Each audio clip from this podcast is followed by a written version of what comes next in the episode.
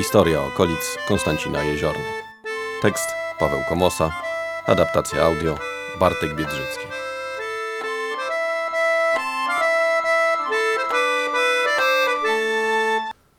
Skutki tamtego powstania. Ucząc się historii w szkole, rzadko zdarza się, że dowiadujemy się o tym, jakie skutki w lokalnych społecznościach spowodowały istotne wydarzenia w dziejach Polski, sprowadzając je najczęściej do dat kolejnych bitew i potyczek. Powstanie styczniowe było jednym z takich wydarzeń, które zmieniły losy tego kraju. Prócz stłumienia zrywu niepodległościowego i krwawych represji, jakie dotknęły Polskę, zaowocowało także rusyfikacją, reformą administracyjną i uwłaszczeniem. A jego skutki były bardzo istotne dla tych okolic i odczuwamy je do dzisiaj, chociaż nikt nie zdaje sobie z tego sprawy. Stąd też, zamiast opisywać bitwy i potyczki, czy też piękną kartę działalności powstańczej w tych okolicach, tym razem spróbuję pokazać, do czego doprowadziły jego długofalowe efekty. W ramach represji po upadku powstania w roku 1867 Rosjanie przeprowadzili reformę administracyjną, sprawiając, iż okoliczne miasta takie jak Czersk, Góra Kalwaria, Karczew i Piaseczno stały się wsiami. Ta pierwsza miejscowość nie odzyskała praw miejskich do dzisiaj. Skutek wspomnianej reformy utworzono gminy, które stały się jednostkami administracji terytorialnej. Władzę nad mieszkańcami danych obszarów wyjęto z rąk wójtów, których wyznaczali właściciele ziemscy. W ten sposób z połączenia gmin Bielawa z siedzibą w Jeziornie należącej do Rosmanów i gminy Obory należącej do Potulickich powstała gmina Jeziorna. Była ona jednocześnie granicą powiatu warszawskiego. Tereny położone na południe od Słomczyna leżały zaś w powiecie grujeckim. Utworzona wówczas gmina przetrwała w zasadzie po dziś dzień. Granice tej gminy Jeziorna są praktycznie takie same jak granice gminy Konstancin Jeziorna, z wyłączeniem Kawęczyna i Turowic, Kierszka i Skolimowa, który został wcześniej przez właścicieli dóbr sprzedany, stąd znalazł się poza gminą Jeziorna.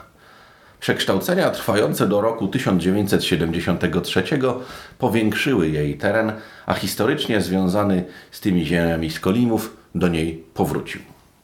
Po powstaniu przeprowadzono reformę edukacji, co zaowocowało koniecznością utworzenia w gminie szkoły publicznej. Powstała ona w Jeziornie Królewskiej na gruntach należących do dworu. Jej utworzenie regulowało pierwsze rozporządzenie wydane przez powołaną Radę Gminy Jeziorna. Szkoła ta do dzisiaj znajduje się w tym samym miejscu, choć oczywiście na jej miejscu znajduje się już inny budynek. Uwłaszczono poddanych dóbr oborskich, bielawskich i jeziorańskich, dokonując likwidacji istniejących dotąd wsi. Na terenie dóbr oborskich wiązało się to z przeniesieniem trzech wsi z miejsc, w których się znajdowały. Ich mieszkańcy otrzymali grunta w innych wsiach, bądź też w miejscach, w których wsie te założono na nowo. Obórki, leżące obok dworu w oborach, przeniesiono na grunta między Chabdzinkiem a Kępą Oborską, gdzie wybudowane wały sprawiły, iż przestała je zalewać wiślana woda.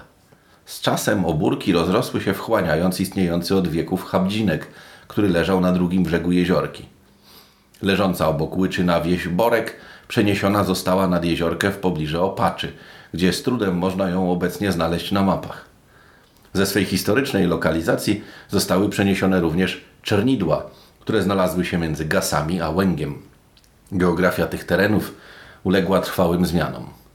W miejscach po zlikwidowanych wsiach próżnia wypełnić się miała wiele lat później, gdy należące do nich niegdyś pola zyskały nazwę parceli.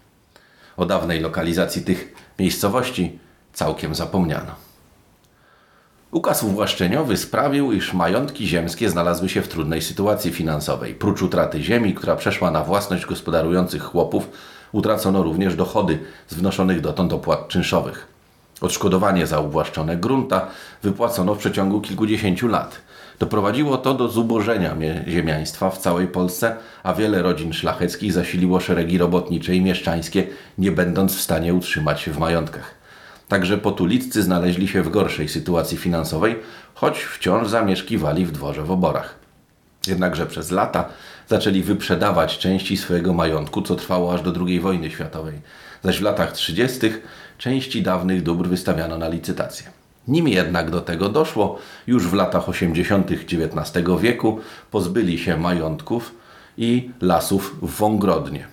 To jednak nie wystarczyło. Aby zaspokoić wierzycieli i spadkobierców, postanowiono wyciąć i sprzedać las oborski. Zanim do tego jednak doszło, pojawił się inny pomysł rozparcelowania terenu na działki i utworzenia tu letniska. W ten właśnie sposób w ponad 30 lat po upadku powstania styczniowego jego skutki doprowadziły do narodzin Konstancina. Dawne lasy pod Wągrodnem rozparcelowano w kilkadziesiąt lat później. W tamtych z kolei rejonach powstało miasto ogród zwane Zalesiem. Kilka lat temu minęła 150. rocznica wybuchu Powstania Styczniowego, które jak widać sprawiło, iż gmina Konstancin Jeziorna ma takie, a nie inne granice, które mają swe korzenie osadzone głęboko w historii, włączywszy w to samo powstanie Konstancina.